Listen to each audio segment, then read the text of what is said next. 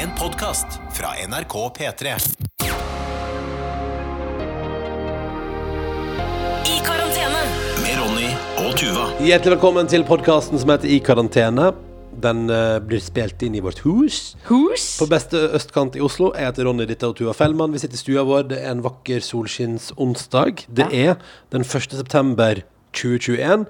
Og nok en dag har vi satt eh, smitterekord! Altså, det er over 1700 smittede Det siste døgnet. døgnet, og uh, nesten 700, 700 av de er i Oslo. Og det er det høyeste antallet siden pandemien kom! Ja, og det var det jo også. Men det, måte, det, var, også, det var også det høyeste antallet siden pandemien kom uh, forrige veke Forrige uke når det var rett over 1000. Så det går jo radio oppover. Uh, og for en perfekt dag.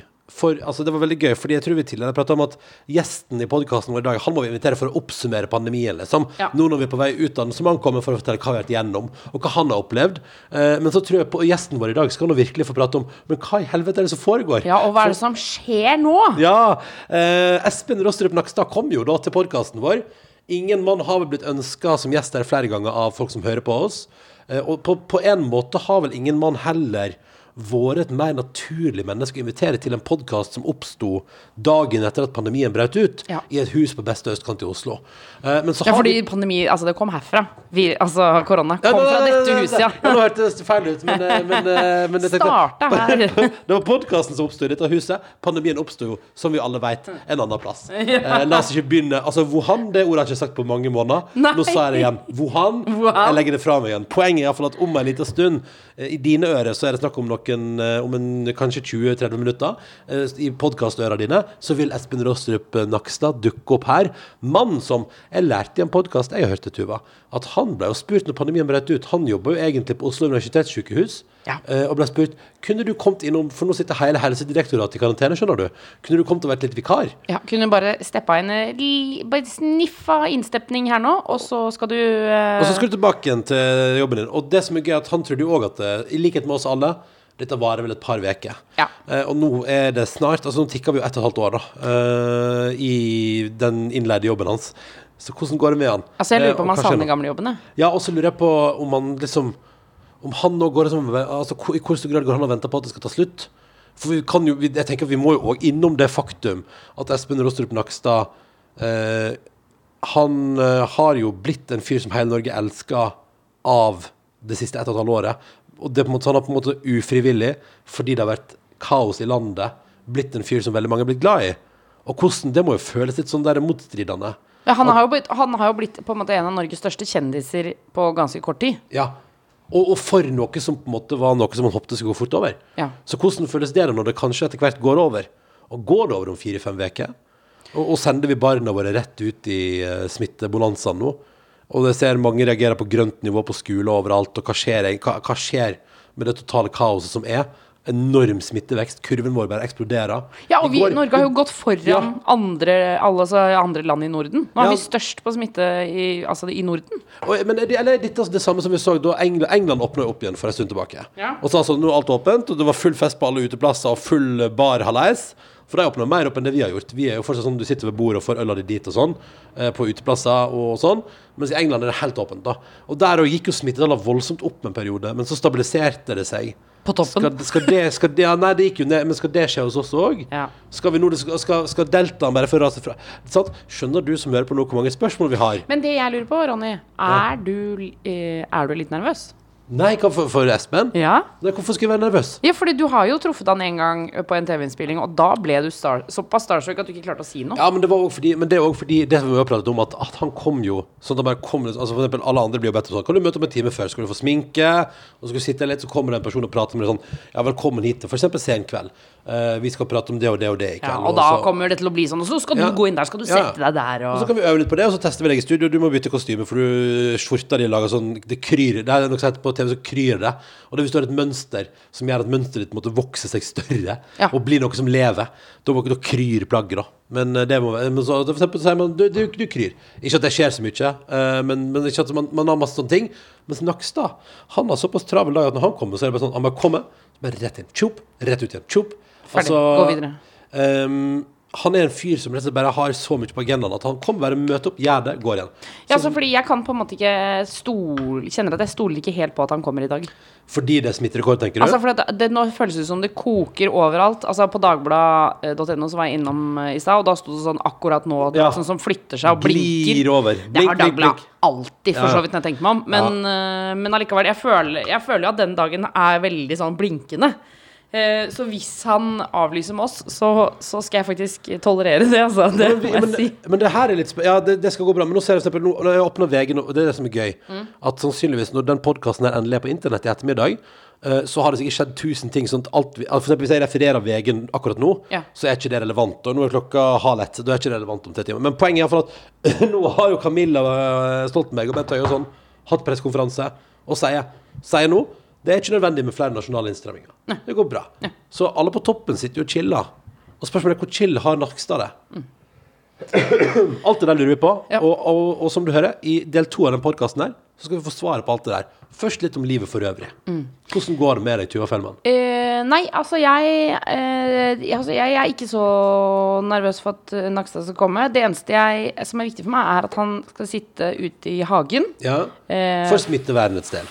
For smittevernets del, men kanskje aller mest fordi Det syns jeg er overraskende flaut å si, men vi har altså flueinvasjon i huset vårt. Ja. Og det blir jeg så flau av. Jeg blir, jeg blir så gæren av det. Ja.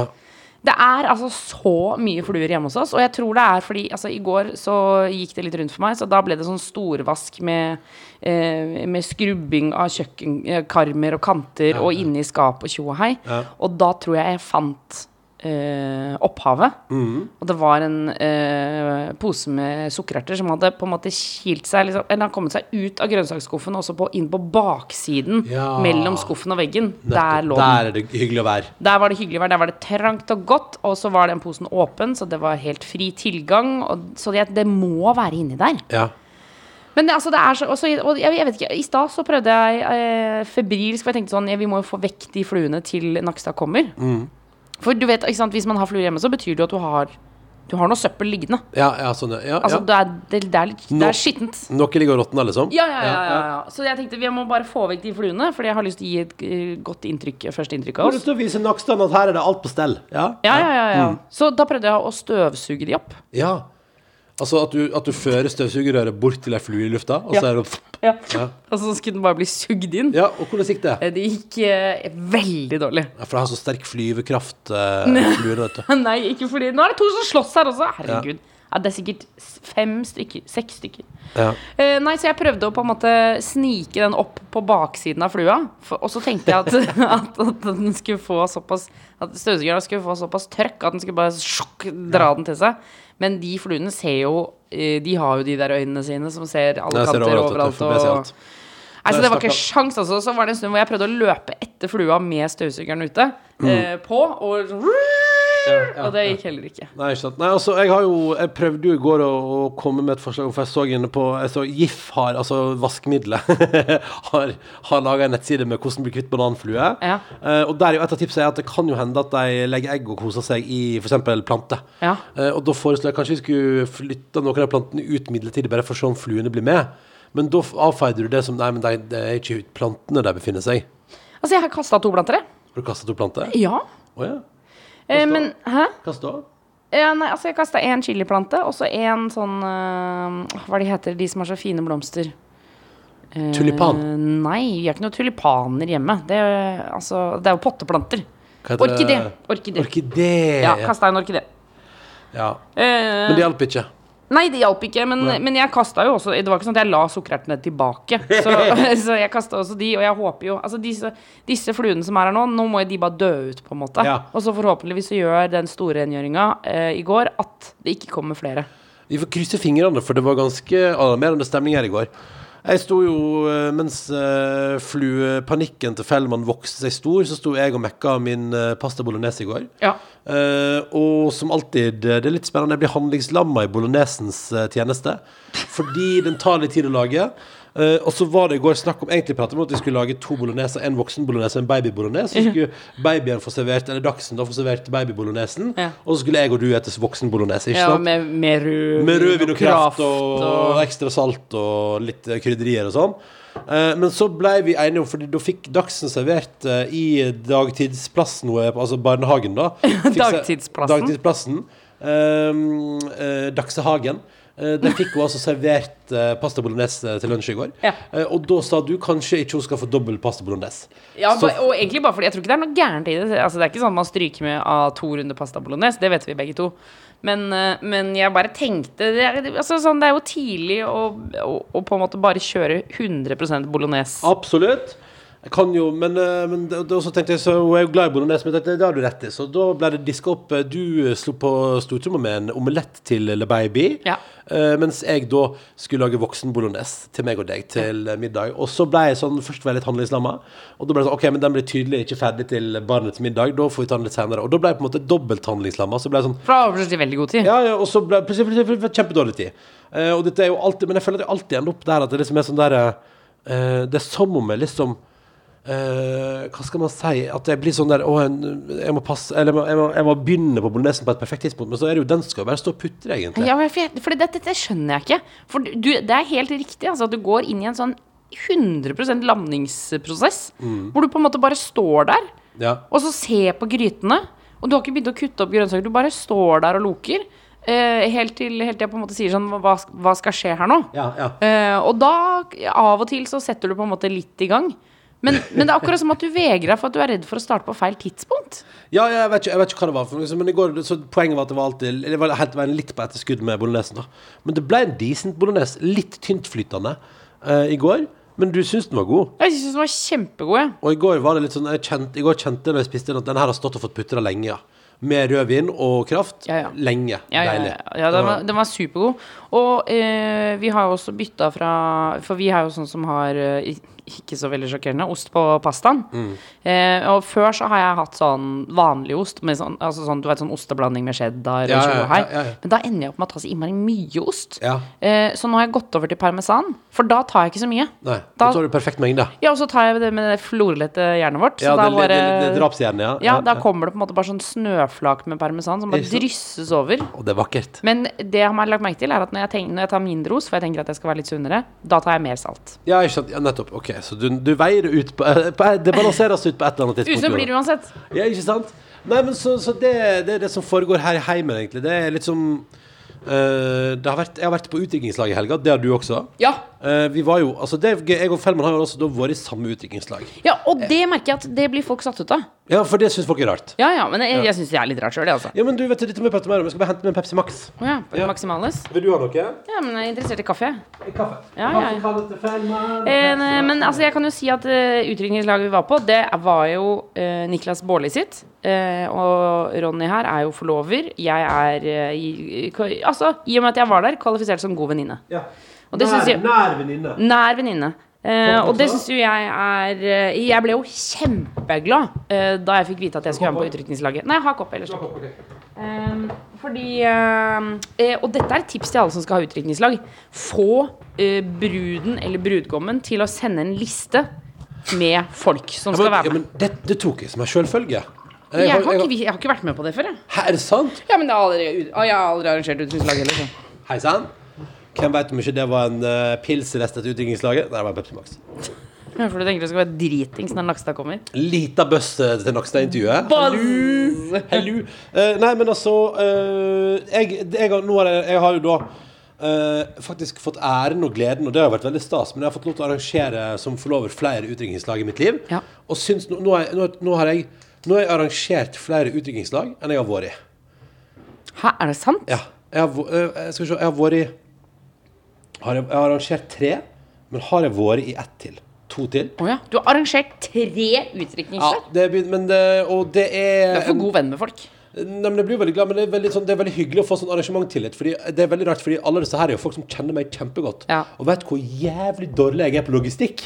Og arrangering av ting. Ja. Og likevel så sier de han ja, stoler vi på. Men vet du hva, det er fordi at du er visjonær. Altså, du får sånn Du får en visjon sånn Det er det vi må gjøre! Og så skal du kløne ganske mye på logistikken. Ja. Men du blir på en måte Du blir gira av tanken av å arrangere noe det Ja, svært. det blir, jeg blir gira på det, da.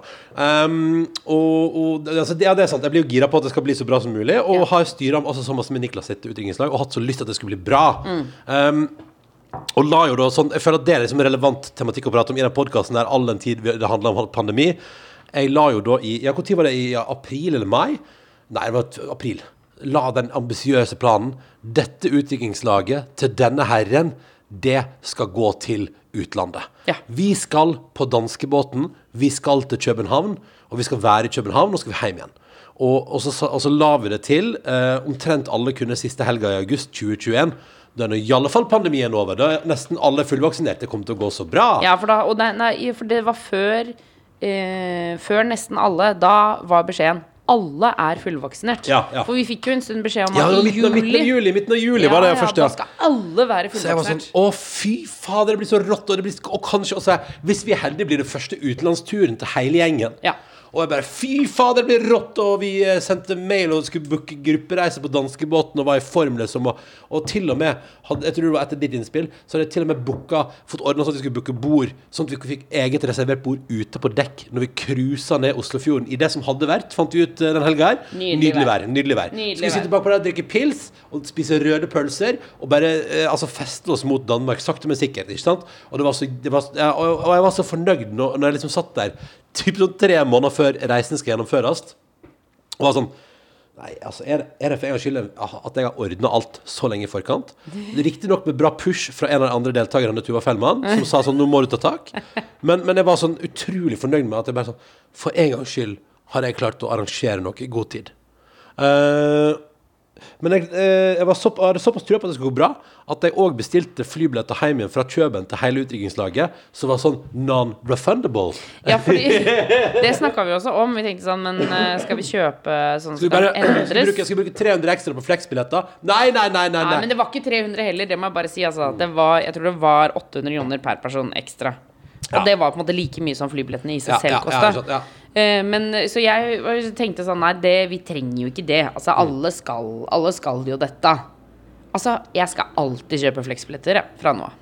Ja, altså det var gøy, for det sa jeg jo, og så bestemte vi oss for Det ble ikke Køben. og så hadde vi raskt trodde og ble sånn Vi reiser til Tromsø. Vi velger oss Tromsø, og ble gira på det. Jeg tenkte, jeg tenkte sånn Hva er en utrolig kul plass å reise til i Norge? Så husker jeg og satt med en som heter Tom, og vi prata litt om hva er kul by, liksom. Og sånn, Kanskje Stavanger, der er det få av oss som har vært, så bare ble sånn vi skal jo til Tromsø! Ja, ja, vi skal til Nordens parade! Vi må opp dit til Nordens parade! Og da, og da dundrer jeg på. Og hva gjorde jeg da? Bestilte non-refundable tickets. Yes! Rett på! Så jeg gjorde jo samme Ja, men feil de en var til. veldig billige, da. Ja, de var kjempebillige. Ja. Og, og du, og der var Tuva Fellmann vet du også sånn Du får ikke så billige billetter til Tromsø som du får akkurat nå. Nei, fordi jeg tror eh, noen av billettene var nedi liksom 349. Ja, ja, det var helt tullete. Det var Så, og kjempebillig. når, eh, det- fordi du sa at du og Tom hadde sittet og snakka om dette utdrikningslaget, og så Ja. var det sånn Å, kanskje Tromsø kan være en eh, ting. Ja, ja. Og da gikk jeg automatisk inn og sjekka billetter, for det er jo typisk med eh, Nord-Norge at man sier sånn Å, gøy å reise til Tromsø! Og så bare Å, billetten koster 2500 én vei. Ikke sant, ikke sant. Helt uaktuelt. Ja, ja. Men da var det billige billetter, og da ble jeg sånn De må bestilles. Ja. Nå! Ja. Nå må de bestilles. Og det gjorde vi. Og folk var gira, og alle ble gira på Tromsø. Og Vi bare fyrte på, og det var en fantastisk helg Mm. eh, i gode venners lag. Og, og brudgommen virka kjempefornøyd, og da ble jeg som forlover eh, og utdrikningslagarrangør utrolig lykkelig inni hjertet mitt. Blir du stolt? Ja, eh, og så ble jeg glad for at det var liksom Jeg opplevde iallfall Nå kan det godt hende folk har prata dritt om eh, opplegget bak min rygg, men sånn jeg opplevde det, så var det ganske god stemning hele veien. Vi kosa oss. Overraskende, jeg og du overraska Niklas på, på radioen der på morgenen. Han jobba jo i Radio Rock, så vi var innom der på morgenen og overraska. Du hadde med shot-hjulet, det var god stemning. Um, og så dundra vi videre ut i litt lunsj og litt pilsners, og av gårde til flyplassen. Det var en litt ubehagelig situasjon, fordi hvis, hvis du er Hvis du er verdens sinteste mann, eh, og hvis du hater andre mennesker, Og hvis du hadde livet så bør du ikke kjøre maxitaxi. Nei.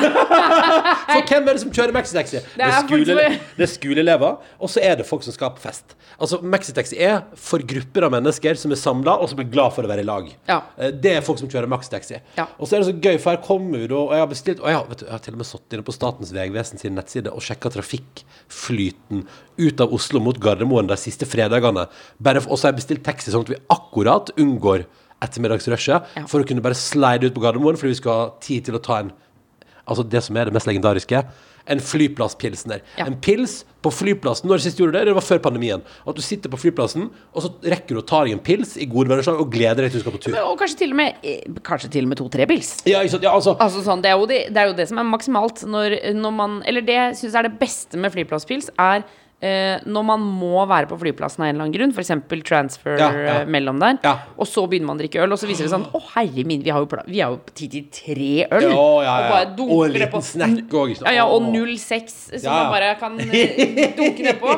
Kanskje for de som er spesielt interessert, en liten fernet på toppen der. Ikke sant? Bare så- make it happen. Og så bare duse inn på neste flight. Å, det, var er så deilig, det. Ja, men det er deilig. Flyplasspils er noe av det mest magiske. Og det har for eksempel jeg har ikke gjort det siden mandagen etter den famøse MGP-finalen i Trondheim, der eh, det var stemmetrøbbel. Den husker vi i 2020. Ja. Og da husker jeg at jeg gikk Så tok du en øl på flyplassen, så da? husker jeg at det, jeg, jeg forlot Trondheim. Jeg tok på hettegen, hetta på hettegenseren og, og sneik meg ned til Oslo. Og så sneik jeg meg ut på Gardermoen for å møte Niklas Baarli da, eh, for å reise av gårde til Asia. Og, Ja. og, sa, og da sa jeg over en flyplasspils. Klokka var 11 på formiddagen, det gjorde ingenting. Vi tok en pils, og, sa, og så sa jeg nå blir det deilig å forlate Norge. Eh, og så skulle vi vise tre uker senere at jeg sa nå var det veldig deilig å komme hjem igjen til Norge. For nå er det pandemi, og du har brukket ryggen. Og det, altså det, ja, men, men poenget er for at, at flyplasspils er noe magisk, og det er en sånn bygning av forventning. Det som da skjer, er at jeg, når jeg har timet dette og bestilt taxien tre dager på forhånd, jeg, liksom- jeg har vært så utrolig på. Jeg var så stolt over egen innsats på der. Ordne, ordne, ordne. Og så er det jo selvfølgelig Så kommer jo den fredagen, da, og så er jo klokka da halv tre når vi skal reise, ikke sant? så at du akkurat slipper rush. Eh, og så er det ikke noe taxi, og jeg har ikke fått noen melding om at den er på vei. Og så går det ti minutter, og så sånn ti over halv, ti minutter etter den skulle vært der. Og så ringer taxisjåføren og sier sånn Hvor er du? Og så sier jeg nei, altså jeg er ved huset mitt, og vi er her. Sjokkerende nok. Ja, ja, ja. Jeg er der vi har avtalt. Ja, og så sier han ja, men er det inn der eller der? Og så er jeg sånn, ja, nei, altså det er jo inn Så forklarer jeg liksom hvor han skal kjøre, og så sier jeg sånn eh, Og så er det den og den adressa, og da står det svært skilt på huset hvilket nummer det er, og sånn. Eh, og så styrer han på, og så går det ytterligere sånn 15 Altså det er fem-seks minutter, altså vi begynner å nærme oss ti på tre. Eh, og så eh, kommer endelig taxien, og alle går om bord. Og da tar jo jeg, siden vi har, vi har vært her og tatt noen øl i vårt hus, og så flytter jeg inn de siste øla, og så låser jeg døra til huset, og så kommer jeg ut med kofferten. Og da får jeg altså da kjefta huden full av sjåføren for at jeg kan tillate meg å være så seint ute med kofferten når han allerede har lukka bagasjeromsdøra. Eh, og, da, og da tenker jeg sånn Og da blir jeg, jeg blir så perpleks og satt ut, da, fordi du kan bekrefte jeg er en konfliktsky type. Absolutt. Ja, men da blir jeg sånn men jeg, forst- ble helt, jeg ble helt sånn der Jeg forstår ikke hva du mener. Ja, for du ble Du var helt Altså, da du kom inn i taxien, for da hadde vi allerede satt oss ned, og da var du helt rar i fjeset. Mm. Altså, du var helt sånn Eller eh, det er ikke sikkert de andre la merke til men jeg bare la merke til at du Der var det noe som hadde skjedd. Ja, ja. Ehm, og så uh, kjefta han òg på meg en gang til når jeg satte meg ned i taxien inne der, fordi han, han sa sånn Men dette rekker jeg jo ikke, jeg har jo skolekjøring etterpå. Og så ble jeg sånn Ja, men du er Du er, du er jo 20 minutter Du sein. kjefter på meg. Du er 20 minutter forsinka. Jeg forsinka deg med ytterligere 40 sekunder. Uh, med min bag. Uh, og, og jeg har prøvd å bestille deg sånn at vi skal komme oss kjapt inn til Gardermoen og ut igjen. Uh, og, og da ble jeg helt, jeg ble helt sånn satt ut av sånn Men hvorfor kjefter du på meg? Fordi du Jeg forsto, jeg forsto ingenting. Og så uh, er det men, det men så ble jeg sånn OK, nå bare biter det i meg, fordi altså, det er god stemning bakover i Max igjen. Alle koser seg. Det er et hurlum hei. Vi skal på tur. Det blir flyplasspils. Uh, og det skal vel også være Vi skal være helt ærlige på at det er vel noen som har smugla med seg et par små birras inn i taxibilen også. Hvorpå det åpnes, uh, og det kommer tørt fra forsetet. Det er ikke lov å drikke i taxi. Og, og da sa og, eh, Nei, for det var vel ikke eh, For han sa ikke 'det er ikke lov å drikke i taxi'. Han sa eh, 'dere kunne vel spurt meg om dere kunne drikke i taxien'. Ja, det var det. Ja. ja. Um, og så ble alle helt stille, og så sa jeg å ja, eh, eh, beklager, vet du hva. Eh, vi, er, vi er så godt humør. Beklager, jeg tenkte ikke på det. Eh, men, men er det ok at vi drikker i taxien? Og så sa han ja, hva skal jeg si nå? Jeg kan Ja, jo ikke si noe nå. Og så ble jeg stille så sa jeg sånn i, Altså, du kan si nei. ja, ja, Det, ja. det er vel et alternativ. Du kan si nei, du kan ikke drikke taxien. Da må vi stoppe her, og så må vi ta ølen ut, og så må vi kjøre uten øl. ja. Eh, og det ble altså Han var så sinna. Og jeg kan, det må jeg bare si. Eh, bare en liten sånn forsvar for eh, alle taxisjåfører. Jeg skjønner at det er dødsirriterende at folk drikker i taxien. Og, og jeg mener at man skal vise all respekt til taxisjåføren. Og hvis de sier at du ikke kan ta deg en øl, så skal du ikke ta en øl. Absolutt. Eh, men der ble det altså sånn Det var som om det, vi gikk fra altså, full fest til full begravelse sånn, liksom. Og, og mitt ubehag inni meg vokste jo mer og mer av at liksom Men det er jo fordi jeg får sånn arrangørsjuka. Ja. At her skulle jeg skape en magisk opplevelse, og vi og liksom hadde valgt Vi kjører maxitaxi istedenfor å liksom transportere alle til Flytog og dundre Flytog, liksom. For å gjøre hele opplevelsen litt mer sånn woo! Og så bare ble det så jævlig dårlig stemning. Og som ikke det var nok, så var vi jo såpass forsinka ut Ja. at vi kom jo rett inn i verste rushen. Ja, ja, så vi sto jo Vi kjempekø. sto kjempekø. Og så begynner, og så sier jeg, da tar det vel omtrent fem minutter ut fra huset vårt før brudgommen sier jeg må helt sjukt tisse. Hvorpå noen andre sier jeg må også helt sjukt tisse. Og så blir det altså en gjeng som bare helt sjukt må tisse. Og jeg, Og vi står og kan jeg, bare si, jeg sa vi stopper ikke denne taxien. Nei, nei. nei, Her er det bare å bite tennene sammen. Dette, Vi sier ikke til han taxisjåføren at vi må ut og tisse fordi vi har drukket øl. Nei, nei, nei, nei, det kan vi aldri si. Iallfall ikke når han hater oss. Så da blir det stillstand eh, på Vi står helt i ro på E6-en. Heldigvis har Tuva Fellmann gjort forarbeid, så hun har mellombar å dele ut. Så da ble, det et par runder med mellombar. Og alle får seg en liten snack, så blodsukkeret iallfall ikke går helt i kjelleren. Og så kommer vi til Gardermoen. Og dermed bare si at uh, Hei, Oslo lufthavn.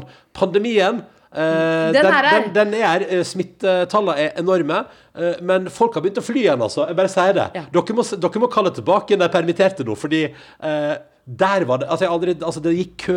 Og da tenkte jeg sånn Er det bra smittevernmessig? Det går kø gjennom hele lokalet. Altså, for å komme inn på sikkerhetskontrollen må du da gå kø Altså, køen gikk fra Du vet der som Norwegian har sånn sikkerhetskontroll Altså, den ene siden. Ja, og helt bort til der som charterflyene går fra, på andre sida. Så man må liksom gå kø hele veien. Så vi brukte jo en time i kø. Altså, det, altså jeg- bare, bare la meg tydeliggjøre det. Altså, det var ikke sånn at det var køen inne i det sikkerhetskontrollet der hvor det er sånn sikksakk. Dette var sikksakk out in the inn- wild. for å komme inn til køen. Ja, ja, Ja, ja. ja. Det var, det var offroad sikksakk, liksom. Og det var helt fysisk, helt fra den ene siden og over helt til den andre, Ja. og så tilbake. Altså Det var Gardermoen på langs og tilbake litt igjen. Ja. Så Ja. det, var helt, altså, det var helt Texas.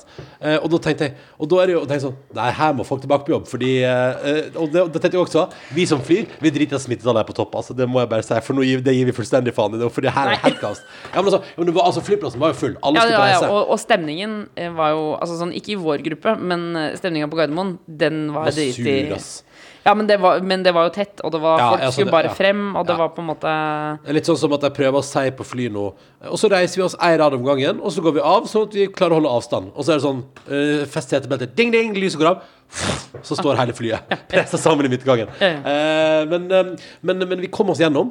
Men dessverre, selv om vi hadde lagt inn da at vi skulle ha to timer på Gardermoen, så kan jeg Ja. melde dessverre om at når alt kom til alt, og den eh, taxituren fra helvete i stillestående kø på E6-en, og sikkerhetskontrollkø fra ene sida av bygget til den andre, når alt det der var over, så var det bare tida av veien bort til flyet og komme se på. Eh, Så det ble ingen flyplasspils, dessverre. Det ble ikke det. Men det som skjedde, var at du kom i en diskusjon med taxisjåføren idet vi skulle gå, for da fikk du en ny runde kjeft fordi at du hadde kommet for seint med kofferten din. Ja. Og da Det er ikke så ofte jeg ser deg si ifra til folk, men da sa du ifra. Og da måtte jeg bare Jeg måtte snike meg inn bak deg for å stå og høre. For jeg ble så stolt. Altså, jeg ble helt sånn Yes! Yes! Ja, men da, da fikk jeg sånn nok, fordi da skal jeg bare betale uh, for taxituren. Og så ga han meg liksom kjeft igjen og sa sånn at, at du kunne komme med den kofferten. Det ble sånn Kødder du? Og så sa jeg sånn, men da måtte jeg si sånn Men du var 15-20 minutter for sein. Og du gadd ikke liksom å skru på GPS-en for å finne mitt hus og ringe meg istedenfor og bruke ytterligere flere minutter når du allerede er for seint ute. Og så kjefter du meg huden full. Og da sa, og da sa jeg bare Jeg sa akkurat det jeg følte. Sånn, og sånn syns ikke jeg det er hyggelig å bli prata til. Ja, for det er det, når du kjefter, så gjør du det fortsatt på en ganske hyggelig måte. Sa, men så, jeg syns ikke du skal få lov til å prate sånn til meg når du har somla, liksom. Det syns jeg var dårlig stemning og dårlig gjort. Og så avslutta du hele talen med så, så sa du ja, eh, og, og du, jeg syns ikke det er noe ålreit at du snakker til meg på den måten og kjefter på meg, og så sa du alt det sånne, og så sa du sånn Og nå håper jeg du får en fin dag, men dette må jeg bare si at dette syns jeg var en vanskelig tur. Og så gikk det. Så selv i sånn hvor du har lyst til å klage, så er det sånn Jeg ønsker deg en fin dag, men jeg syns du er dust. Ja, men det var ikke noe hyggelig, og det var så utrolig sånn ufortjent. Så ble jeg, sånn, så ble jeg sånn matt av eh, eller, men, liksom, men sånn er jo verden, og folk kan ha dårlig dag på jobb, men, men jeg, jeg bare blir sånn der Kom igjen, jeg har, liksom, jeg har forhåndsbestilt, jeg har bestilt en makstaxi. Jeg, liksom, har gjort, jeg har gjort liksom mitt for at det her skal bli en smooth opplevelse for alle parter. Og da, når man liksom da, etter å ha gjort seg flid, Hadde jeg ringt og trygla om å få en Max-taxi når jeg egentlig ikke hadde tid, Ja. så hadde det vært noe annet. Selvfølgelig. Men her er det så for, god tid i forveien har jeg bestilt, og jeg har vært høflig oppgitt adresse og liksom tydelig beskrivelse og sånn. Og så da når du liksom kommer og du liksom føler at du har gjort deg flid med å ordne ting, og så på en måte føler at du Det det som skjer, at du kommer mot en bil, og så blir du pissa på i fart, liksom.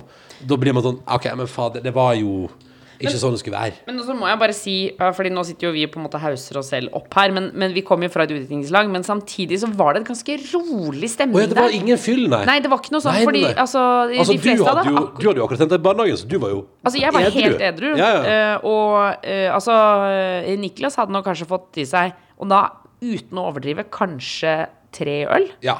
Eh, og de andre, det var flere som akkurat hadde kommet som var ferdig på Ja. jobb, som Så også det var, edru. Det var ikke et fyllekalas, og det var ikke sånn der For jeg kan bli matt av sånn drita stemning, og jeg syns jo det Ja, for da er det noe annet, på en måte. Ja, og da skal, Man skal få lov til å bli litt irritert hvis man blir utsatt for drita stemning, men poenget er at her var det liksom en gjeng som eh, som liksom sånn, altså Vi snakker liksom at Og det er derfor det ble, jeg ble, jeg ble så sjokkert over at han ble så irritert når jeg kom for sent. Fordi her var jo alle klare. Alle var i taxien når de skulle. Mm. Lempa inn. Og, og jeg typ sånn Altså jeg, Alle lempa inn på liksom kanskje 20 sekunder. Og jeg kommer ut porten fra hagen vår og hører at han slamrer igjen bakdøra og tenker sånn Å ja, ok, han er såpass ivrig. Mm. Og, og, og, og på ti sekunder så går jeg bort til taxien, og så uh, hører jeg at du, tror du sier sånn Nei, nei, det kom en til, det kom en til. Så han var liksom klar til Altså, han har jo helt tydelig veldig dårlig tid. Men problemet, det som jeg blir lei meg for, er jo når det da går utover oss som kunder, når vi egentlig bare oppfører oss veldig pent. Ja. Så jeg vil si sånn Ja, altså, selvfølgelig, hvis vi hadde vært en sånn møkkdrita søppelgjeng som var 15 minutter for seine til taxien, som sto og venta på oss, Ja. så hadde det vært noe. Men poenget var at han sto ikke og venta. Og vi, og skulle, og vi skulle spurt om å få drikke i taxien, men jeg mener også at jeg helt oppriktig ga han muligheten til Jeg sa du kan si nei. Ja, ja. Og så, så hvis det er veldig viktig for deg, eh, som jeg kan godt skjønne at det er, så må du si Vet du hva, da går jeg for det. Ja, Det er ikke lov å drikke i taxien. Men eh, det ble en fi, eh, heldigvis fin helg. Jo, men, eh, ja, men det syns jeg altså det, og, Kom du på at Nakstad skulle komme nå? Ble du stressa? Ja.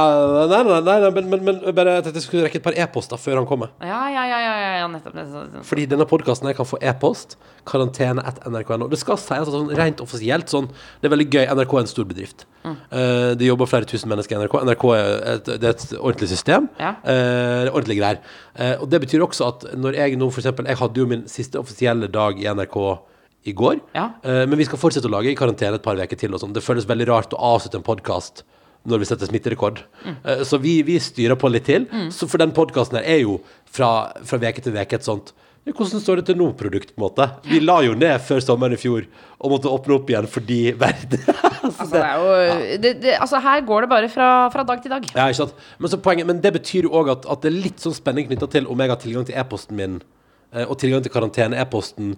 Så du Eh, tenker, Skal man gå over til Instagram? Nei, men, jeg nei, men nå tror jeg det er fiksa. Sånn at jeg, liksom, at jeg får tilgang, men på en måte tilgang som en som ikke er ansatt i NRK. på en måte Ja. For jeg har jo selvfølgelig et system, for det, det finnes jo mange mennesker som ikke er ansatt i NRK fast, som gjør ting for NRK. Så derfor, Men jeg har eh, heldigvis en del e-poster her som vi kan ta tak i hvis du vil. Men jeg har også fått en eh, Instagram-melding som jeg tenkte jeg skulle ta. Ja, kjør på. Eh, Hvor det står Hei, hei, hørte på episode 1, nummer 116 av I karantene. Der dere blir helt foff. Dette er egentlig skrevet på nynorsk, så jeg burde egentlig lest det, men jeg føler på en måte at det blir også å gjøre narr av din dialekt. Kjør på, prøv, prøv det fram, du. Eh, Nei, jeg bare kjører eh, øst, østlands, ja. Ja. Eh, der blir dere helt forferda over et tomt ispapir. Altså Husker du da jeg fortalte at inni fryseren så Ja, var det ja, vi ja, kjøpt isen er tom. Ja. Isen er tom. Isen er tom. altså Det var papir og det var luft inni, men det var ikke noe is inni. Og så skriver hun at hun jobber på, og da eh, altså en veldig stor eh, distribuør av is, Ja. Ja. og kan fortelle om at det er helt normalt, og at dere ikke har blitt svinda. Altså For inni eh, For det som skjer innimellom, er tomme omslag som havner oppi eskene. Ja. Dette er roboter som pakker automatisk, så det er ikke så lett å få med seg at dette skjer. Men esken blir deretter veid, og hvis det mangler en is, så blir det lagt oppi. Så det dere har fått, er f.eks. 16 is pluss et tomt omslag. Du kødder, er det sant? Nei, artig! Så man blir ikke svindla. Du blir ikke Og det er er du- selvfølgelig sånn de finner ut av det, for eska blir veid. Ja. Nei, du, det var gøy. Meget smart. Det var veldig fiffig. Altså, man skulle tro de har jobba med dette her i årevis. Ja, Eh, jeg hadde kontroll.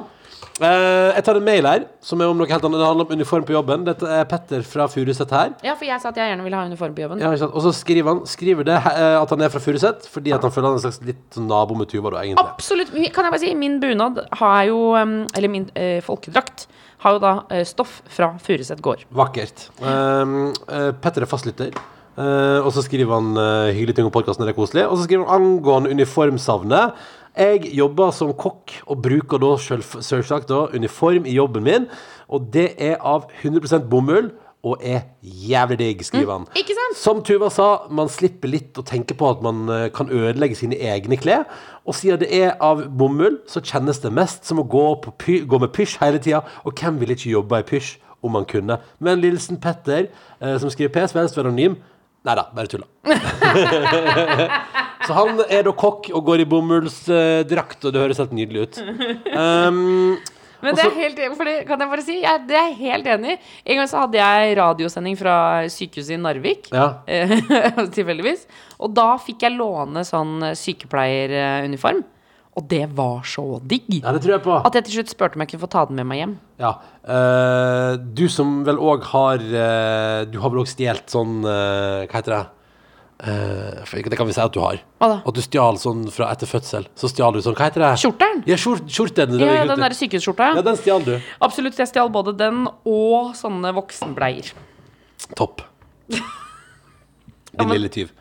Um, Jeg tenkte at det fikk være lov. ja, det, jeg, vet, jeg, fordi det som er gøy, at når du har sagt det, så har alle andre som har fått barn, sagt sånn Ja, det gjorde jeg òg. Jeg tror ikke det er uvanlig, nei. Du, um, Lilly har sendt oss med emnet 'Totalt uoppfordra tips til bryllupsmarsj'. Oi! Bryllupsmarsj. Ja, Hva er det for noe? Syns podkasten vår er fin. Har nevnt, og sier at hun uh, Hun hø hører på, men har aldri sendt mail før. Men nå har hun havna i en liten eh, karantenesituasjon sjøl, skriver hun. Eh, dog eh, bare med vanlig forkjølelse. Eh, og det er kanskje forkjølelseshjernen min som gjør at jeg tenkte dette må Ronny og Tuva få se Mhm. asap. Her er i alle fall tips til bryllupsmarsj til når dere skal smis i hymnens lenker. Om ikke annet kan det være morsomt å se for seg hvordan dette ville tatt seg ut i et bryllup. Uh, og så vet du at vi snakker om hvor mye vi elsker The Office, så da er denne kanskje noe. Og da tenkte jeg å, det er den der, der jeg går inn til den Forever av Chris Brown. Forever.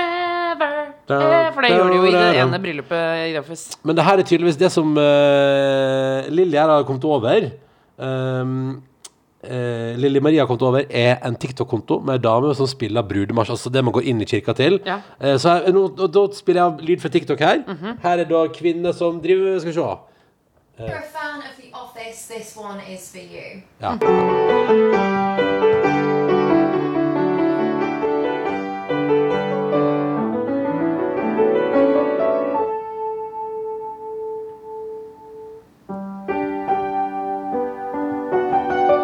Å, herregud, jeg begynner å gråte! Nei, nei, det kan du ikke! Det kan du ikke. Er det sant? Oi. Ikke This sk one's been requested a lot. so This one has been requested a lot. Sorry, sorry. Herregud, jeg elsker den! Og så skriver Dina forklarer vel også seg sjøl, og den andre som hun har. Skal vi høre? I absolutely love this song. Here's Toto Africa as a wedding entrance. Begynner til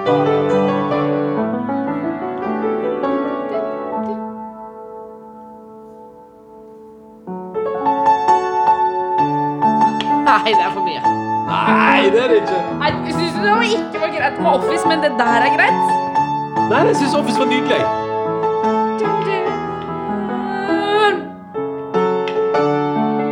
Tenk at Markus Neby fyller 30 år i dag. Ja, Markus blir 30 i dag. Herregud, det er vakkert. Det er koselige Det er vakkert, det er vakkert. Ok, Skal vi se om jeg finner den i Office, så kan vi høre den en gang til. Ja, ja, ja. Eh, i Jeg syns den var dritfin, jeg. Ja, kanskje vi, skal gjøre, kanskje vi skal gjøre det da, når vi skal gifte oss? Altså, å bare gå opp Skal vi ha med henne som sier If you're a fan of The Office. ja, vi kan få noe Vi kan få noe til å spille Vi kan få Markus Neby til å spille. Å, herregud. Ok, så da begynner vi, ikke sant? Så går vi oppover The Isle.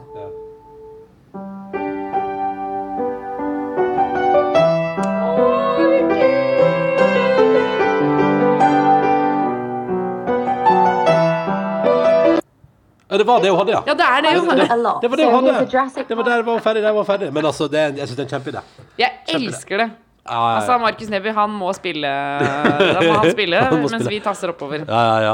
Uh, gratulerer med dagen til han. Det blir 30 i dag. Um, stas. Stas, stas, stas, stas. Eh, hvis du har noe på hjertet, så er det bare å sende mail til oss. Karantene at nrk.no er vår mailadresse. Nå skal vi rigge til. eh, og som sagt, på, på verandaen i solskinnet i, på beste østkant i Oslo, for straks, altså om noen sekunder i din podkast, så får vi besøk av mannen som har losa oss gjennom pandemien. Espen Rostrup Nakstad er straks gjest om bare noen få sekunder i I karantene.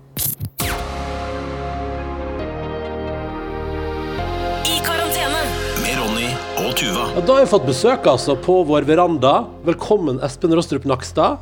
Takk, takk. Eh, det er, velkommen til vår podkast. Jeg og Tuva bor i huset, lager den podkasten her. Begynte med det 13. mars i fjor. Da sa NRK har dere lyst til å lage et eller annet i en liten per De neste par ukene mens det er noe pandemikjør. Ja, og vi var satt i karantene. Ja, eh, ja. Fordi Ronny hadde vært på utenlandsreise og Ja. fikk da sånn tilbakevendende karantene, eller hva det het, sånn hvor det slo tilbake. Ja. Karantenen ble langvarig. Ja, ja, ja. Han hadde vært ute en stund, men så var det sånn inn i karantene! Og da begynte vi å lage podkast hver dag. Uh, og det var i den, rundt de tider så ringte vel telefonen din òg med en sånn 'Har du lyst til å være vikar i et par uker?' Ja, det kom en telefon om det, stemmer det. Det var vel noen få dager etter 12. mars. Mm. Ja. Hva, men hva, for, bare sånn, for de som ikke har fått med seg det, hva drev du med da, Espen? Du, eh, det jeg vanligvis driver med, det er jo å jobbe på sykehus Ja. som sykehuslege. Jeg er leder i Nasjonal behandlingstjeneste, som det heter. da Ja. Har jobbet med ebola, den type ting, eh, og en del sånne beslektede ting da Mm. til dette med pandemi. Eh, Men så ble jeg da oppringt av nesten alle havnet i karantene i eh, Helse-Norge, faktisk. Eller i hvert fall i ledelsen. Ja. Eh, og forespeilet da i hvert fall steppe inn i to uker. Ja. Så ble det litt mer enn to uker etter hvert, men, men til å begynne med så, så var jeg ganske alene faktisk de to ukene. Det var ganske hektiske uker. Ja, det tror jeg på. Eh, og det har blitt en stund. Nå er det vel ett og et halvt år ish. Um, eh, og det er jo veldig Det er, det er litt rart, for vi hadde egentlig tenkt at vi skulle invitere til podkasten vår for å liksom oppsummere litt når pandemien begynte å roe seg. Ja, Eh, blir ikke noe oppsummering i dag, på en måte. Nei, altså Det er jo alltid lurt å ta noen sånne milepæler og oppsummere sånn underveis. Og det er jo en men, eh, milepæl, det er jo det, blir for ikke det er jo- liksom fasiten eh, når alt er ferdig, blir det jo dessverre ikke, da. Men det er milepæl i dag, da. Eh, dagen hittil med størst smitte. Eh, siden pandemien brøt ut. Altså, hva er det som skjer, Espen? Hva er det som skjer nå? Jo, Du kan si at det er i hvert fall den dagen med flest registrerte smittetilfeller, men det var nok dager i mars i fjor hvor det var langt mer smitte i Norge. Det det? Okay. Men eh, nei, det som skjer er jo at eh, vi er i en litt vanskelig fase nå denne måneden her. Fordi folk lever veldig normalt. Veldig mange er jo vaksinert nå. Tre millioner voksne mennesker er jo det. Eh, Og så har vi et ganske smittsomt virus som lett finner veien til uvaksinerte personer. Og det er jo ungdommer særlig nå. Og det er noen eh, studenter som ikke har fått vaksine ennå. Og så er det jo noen eldre også som vi kanskje bekymrer oss mest for, men som jo har takket nei til vaksine, og som er litt utsatt nå i denne smittebølgen. Ja, for nå, nå, nå, nå koker det igjen. Det koker i hvert fall litt nå på skoler og sånn, fordi det er jo trøblete dette her. Noe av poenget med at man fjernet eh, karantene og erstattet det med testing for barn f.eks., og også har gått ned til grønt nivå, har jo nettopp vært at barna skal få ha en mest mulig normal skolehverdag. Ja. Og så viser det seg da med denne smittestigningen at det faktisk blir litt vanskelig i praksis.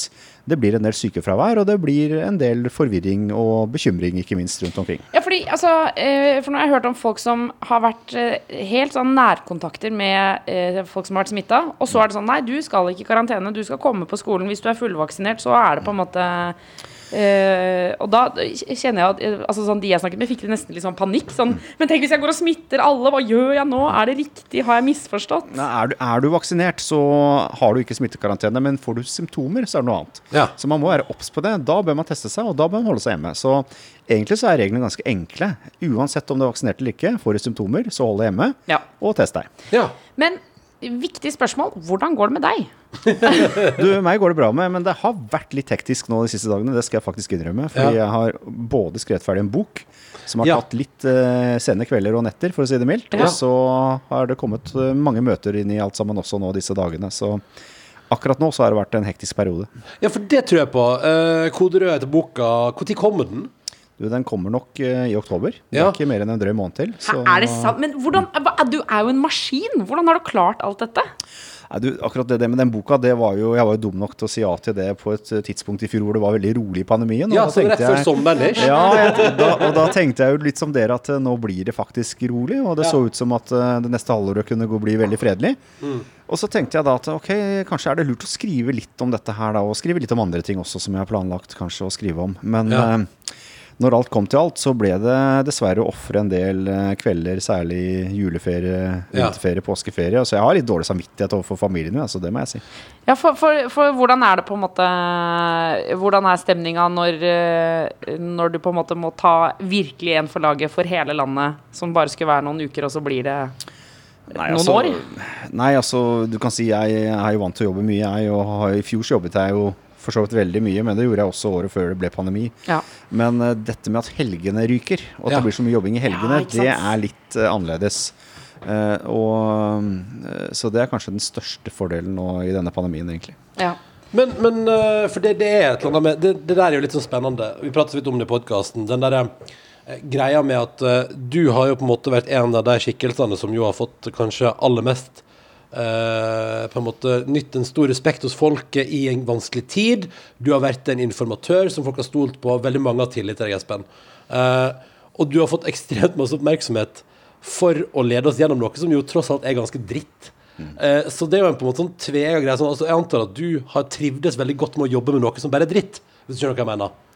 Du kan si at uh, Det er ikke sånn at jeg på Dødeliv liv syns det er veldig gøy å være ute i media hele tiden og være den som leverer bekymringer og dårlige budskap. Ja. Uh, tvert imot. eh, Og noen ganger så blir det nok vinkla som at jeg er litt mer bekymra enn det jeg egentlig er også. Det merker jeg jo. Men det er klart, eh, min motivasjon har jo vært at dette har vært viktig. Altså, Dette er jo noe som har angått absolutt alle i Norge. Ja. Eh, Og det er viktig at vi kommer godt ut av en sånn pandemi. Vi ser jo rundt i verden hvordan det har gått noen steder, eh, og hva det faktisk har fått av konsekvenser.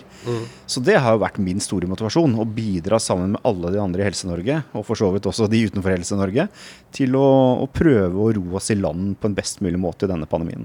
Men Hvor- har, har du noen gang angra på at du sa ja til å være vikar?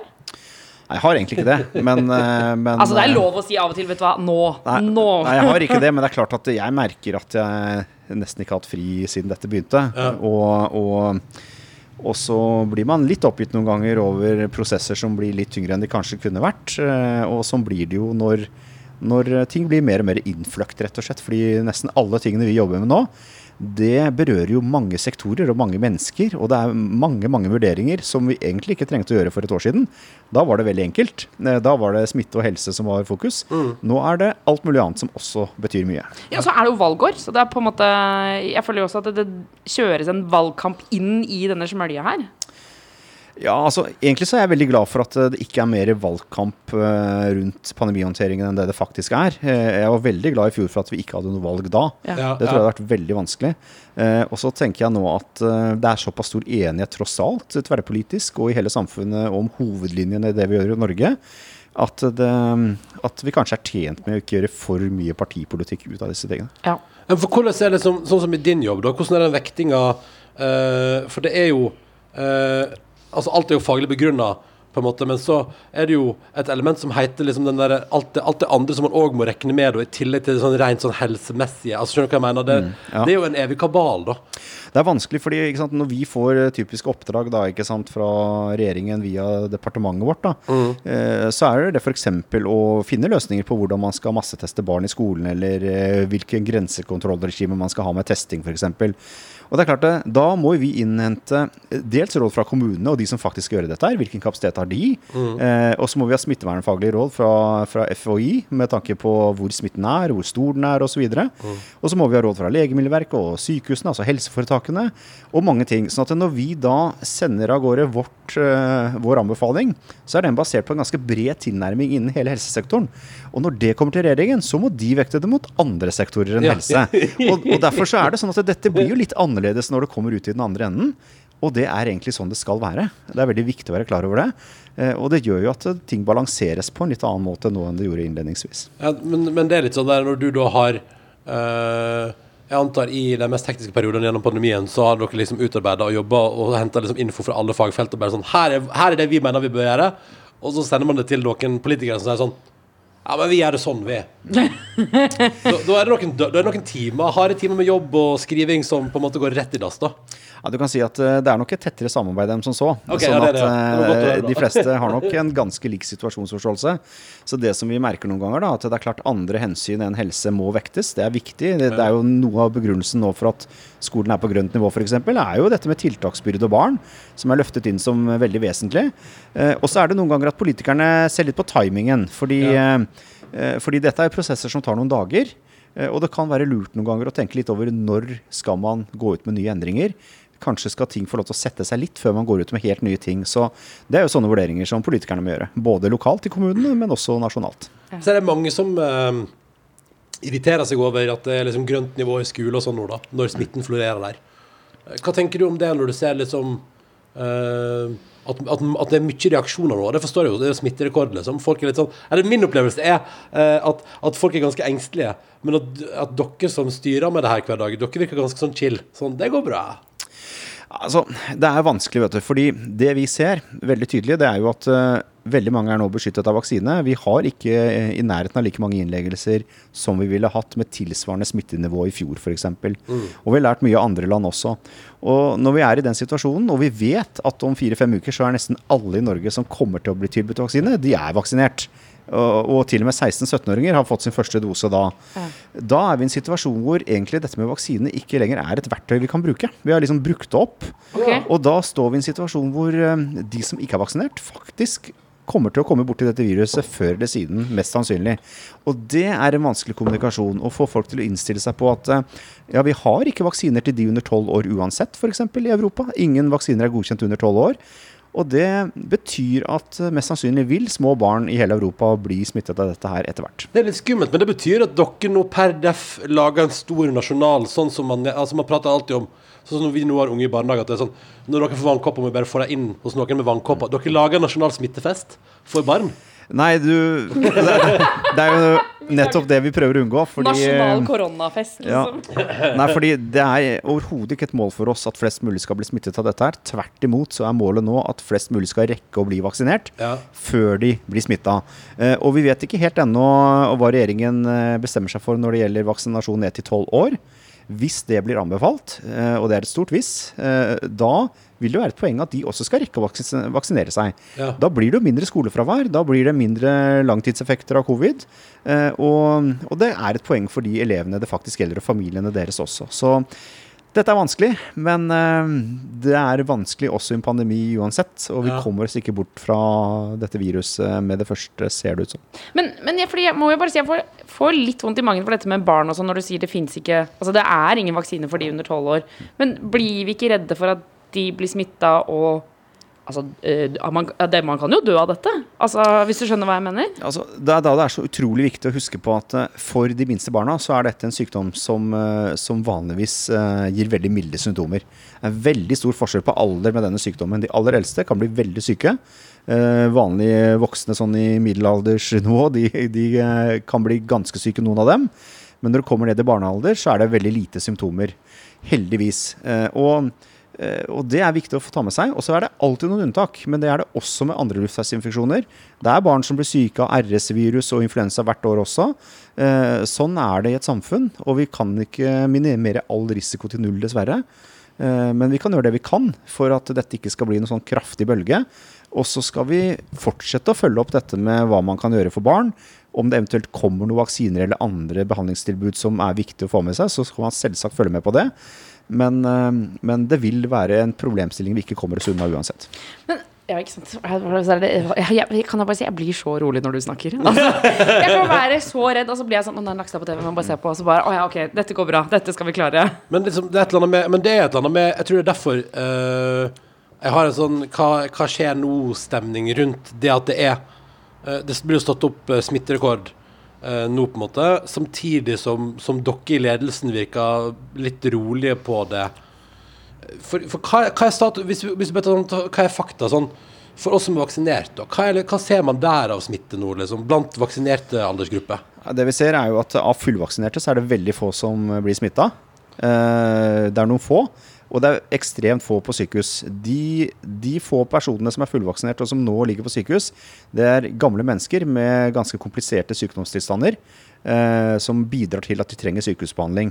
Eh, de fleste på sykehuset i Norge nå er uvaksinerte av de som ligger med koronavirus. Eh, og eh, det samme har vi sett i mange andre land. Eh, Og så vil vi kanskje komme i en situasjon framover hvor veldig mange flere er vaksinert, og hvor det kanskje blir noen flere vaksinerte som trenger sykehusbehandling. Men de ligger kortere på sykehus, og de er mindre syke nå enn de var før.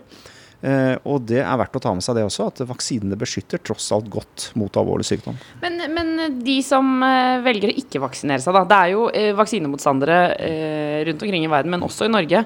Hva kjenner du på nå, altså sånn, nå som samfunnet åpner opp? De vaksinerte går det jo mye bedre med. De ikke-vaksinerte er det jo da skumlere med. Får du sånn burde skjønt dette. Nei, altså, det er, det er vanskelig, ikke sant? for det er mange grunner til at folk ikke kan vaksinere seg. Ikke sant? Noen har jo ikke rukket å gjøre det. Noen har vært i utlandet, de har ikke vært å få tak i. Eh, noen unge voksne nå har jo gått rett fra sommerferie til en studiehverdag, og det er kanskje litt vanskelig da å rekke den timen i hjemkommunen som du kanskje har Ja. fått tilbud om. Eh, Og Derfor så er det så viktig nå at kommunene lager sånne drop-in-tilbud, at man egentlig bare kan gå innom og få den vaksinen. At det blir en lav terskel for det. Eh, Jeg tror nok at vi kommer til å ende opp i Norge med at over 90% eller noe der omkring blir vaksinert av alle de som er tilbudt vaksine. Det er veldig høye tall. Og så er det noen som kanskje er i tenkeboksen, og de oppfordrer vi selvsagt til å tenke seg om en gang til. eh, Og, og takke ja til det tilbudet som er et stående tilbud. Eh, Men så er det én gruppe som vi må også huske på, og det er at det, er en, ganske mange, mellom 500 000 og 100 000 mennesker, som har sykdomstilstander eller står på immundempende behandling. Eh, Og som derfor får de dårlig effekt av vaksinene sine. Og de er litt mer utsatt enn andre. Så det er en gruppe som kommer i tillegg da, til de uvaksinerte. Og det er klart at vi må tenke på disse gruppene også, eh, uansett. eh, Og gjøre det beste ut av situasjonen eh, ut fra den immuniteten vi har i befolkningen. Og eh, vi vil kanskje ikke få flokkimmunitet i høst. Dvs. Si at viruset vil ikke holdes ute fra landets grenser bare pga. de som er vaksinert. Men vi vil nærme oss. Dvs. Si at viruset vil slite med å finne folk å smitte. Etter hvert som da flere blir vaksinert. Ja, for det er på en måte hele flokkimmunitet-tanken. Var det du som var i media forrige uke og pratet om at man trenger en 85-86% av befolkningen vaksinert for å nå en flokkimmunitet? Ja, eller jeg var ute og sa litt om det. Altså, du kan si Hvis du ser på meslinger f.eks., Ja. sånne ting, eh, så har du veldig effektive vaksiner. Altså, De er ikke helt 100% men de er nærmere 100% effektive. Og når du da i et samfunn vaksinerer sånn 94-95% av befolkningen fra de er små, da eh, har du flokkimmunitet. Da finnes det ikke meslinger i Norge annet enn importerte tilfeller eh, en sjelden gang. Men med dette viruset så har vi for det første vaksiner som ikke er 100% effektive. De er kanskje 90 Ja. og i tillegg så kommer vi sannsynligvis ikke så mye mer enn eh, opptil 90 eh, andel vaksinerte i befolkningen. Og det er ikke sikkert vi får vaksinert de yngste, og det er noen hundre tusen av dem også. Så matematikken i dette her, eh, i tillegg til at viruset endrer seg, og i tillegg til at vaksineeffekten kan bli litt redusert over tid, eh, tilsier at vi, det er vanskelig å få reell flokkimmunitet nå. Men på sikt tror jeg vi vil nærme oss det. Fordi på sikt så vil immuniteten i hele verden øke. Både pga. at folk har vært syke, og fordi de blir vaksinert. Og fordi de får justerte vaksiner. Og det som vil skje da, det er at viruset slutter å endre seg så hyppig. Det endrer seg mindre og mindre. Daffer, Og liksom. da tar vi igjen viruset. Og da, da begynner det å bli ordnings. Ja. Herregud, men åh, kan jeg spørre om en ting? Skal du bli statsminister, eller skal du være på Skal vi danse? Hva kommer først? Eller hva, eller hva er du mest keen på? Du, akkurat nå er jeg mest keen på at vi skal bli mest mulig ferdig med denne pandemien proft. i Norge. Ja, og det er mitt, Men ok, skal vi danse eller Firestjerners middag, da? Hvor er det du kommer altså, Fordi du, På et eller annet punkt så må du være med på noe reality-program. ja, ja. Du, jeg, jeg føler at, ehm, Du har blitt at eh, spurt. folk har fått uh, Jeg har blitt spurt om rare ting, men uh, jeg føler at uh, jeg er så lei meg sjøl og trynet mitt, og det er sikkert folk også etter hvert. Så, så jeg har ikke noen ambisjoner om å bli sånn der reality-person som går fra reality til reality. Ikke sant? Vi får se. Jeg har ikke det. Vi får se. 71 grader nord, du hadde gjort det, det, det hadde vært noe for deg. deg. de har veldig fine turer, det skal de ha. Men har ikke du vært fallskjermjeger da, i Forsvaret? Jo. Og ski... Ja, da, ja, ja, gjort også. rart. Ja, for rart. du for jeg, jeg, Det var veldig gøy. Espen, det- vi må prate om, litt mer om arbeidstempoet ditt. Fordi eh, jeg, jeg og du har vært på samme senkveldinnspilling. Ja. Eh, men der, der er det sånn Der kommer jeg og dette prater jeg om tidligere i podcasten, Jeg kommer sånn en time før og, og får litt sminke og, og en sånn lang brief av de som jobber der og sånn. Mens du, du kom bare seglende. Du kom rett på, rett av igjen. Eh, du, du har blitt ganske sånn Og, og jeg og Tuva satt der og så på Dagsrevyen type romjula. Og da er det altså det, jeg tror det, det er mange som merker når du, du er med i Dagsrevyen, men du er helt sånn tydelig midt i en skitur. Altså, du har blitt ganske god på multitaskinga der, Espen. Ja, ja da, jeg, jeg har det, altså. eh, Du kan si Min overlevelse, overlevelsesstrategi har jo vært eh, å fokusere på én ting av gangen. Ja. Og når jeg f.eks. er hos dere nå i denne podkasten, så tenker jeg på det mens vi er her. Ja. Men ett minutt etter at jeg drar, så, Så tenker jeg på noe annet. Eh, Så det er min måte å på en måte klare dette på. Og så, og så er det sånn at i denne digitale verden, da, hvor alle møter er digitale, Ja. eh, så Det beste som har skjedd med korona, egentlig. ja, det kan du si. Jeg er helt enig. Mm. Så er det sånn at jeg prøver ikke å innrette livet mitt for mye etter møter. Sånn at jeg kommer til å ta et møte nå når jeg drar herfra, før jeg har kommet meg hjem. Ja. Eh, Og så, liksom? og så tar jeg meg et møte midt i Nordmarka på en sykkeltur av og til, Ja. hvis jeg kan det. Eh, Fordi eh, hvis ikke, så får jeg ikke gjort noe annet enn å være i møter. Nei, jeg, har- jeg har hørt rykte om, hørt rykte om at, eh, at folk har vært i møte med deg mens du er på skitur. At du tar skitur mens du har møte. Ja, Det har jeg gjort når jeg ikke har ledet møtet selv. Mer enn når det er sånne møter du, som du må lytte deg inn på. Så har jeg Ja, gjort det. ja, ja, ja. Så jeg har vært med på sånn partimersmøter i Nordmarka mens jeg har gått på skia. Men kan du si Det er gøy å si sånn Velkommen til møtet. Jeg er bare en oppoverbakke, skjønner dere. Men det er veldig hyggelig at alle har kommet. Jeg, jeg tror de hørte det. Det var jo vel en 200 ordførere med i et av de møtene, tror jeg. og jeg tror de hørte at jeg var på skitur, men, eh, men det var altså heldigvis ikke jeg som ledet møtet. da. Men, eh, men, men det er liksom er det, er det det som er nøkkelen din? Fordi det er beundringsverdig. Jeg mener da at nå, Jeg har ikke noe peiling på hvor masse du faktisk har jobbe, men, men det er helt tydelig at du har holdt et ganske høyt arbeidsnivå det siste ett og et halvt året. Er, er, er fasiten at du disponerer hva du tenker på til enhver tid?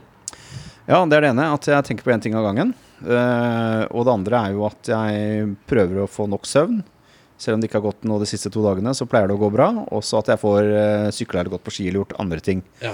Uh, Og da kan jeg holde det gående ganske lenge. Uh, men eh, eh, Og så er det et annet triks jeg egentlig har også. Det er at, eh, at jeg stort sett tar ting på strak arm på intervjuer og sånn. Jeg får omtrent aldri vite på forhånd hva jeg blir spurt om. Nei. Og det er veldig deilig, fordi det er veldig slitsomt å skulle forberede seg på ting. Og så slipper jeg da disse sitatsjekkene, som også tar tid. Ja. Eh, så enten tar jeg ting på e-post, eller så tar jeg det live. Jeg tar egentlig aldri sånne telefonintervjuer med sitatsjekk etterpå, for det har jeg ikke tid til. Nei, nei, nei ikke sant. Men, men det, det, ja, det er imponerende. Ehm, og så lurer jeg på, i, i liksom alt det kjøret her, så har du skrevet bok i tillegg, og så sier du nå at eh, de siste dagene har vært ganske tense, og det ryker nattsøvn. Hvor, hvor seint har du hatt møte? Du, møter er ofte ferdig sånn 8-9 om kvelden. Jeg, ja, ja. Jeg tror i går jeg hadde et møte sånn mellom eh, Ja, på det tidspunktet. Ja. Uh, men så er det noen e-poster etter det noen ganger, ja, og sånn, da, så det er jo alltid noe. Men, uh, men uh, det er bedre nå denne sommeren enn i fjor, det må okay. jeg si. Ja. Fordi i fjor så var jo pandemien veldig fersk. Eh, altså I fjor sommer så hadde den vart i to måneder. Så i fjor var det mye armer og bein i hele Norge. Ja. Nå har jo ting satt seg litt mer.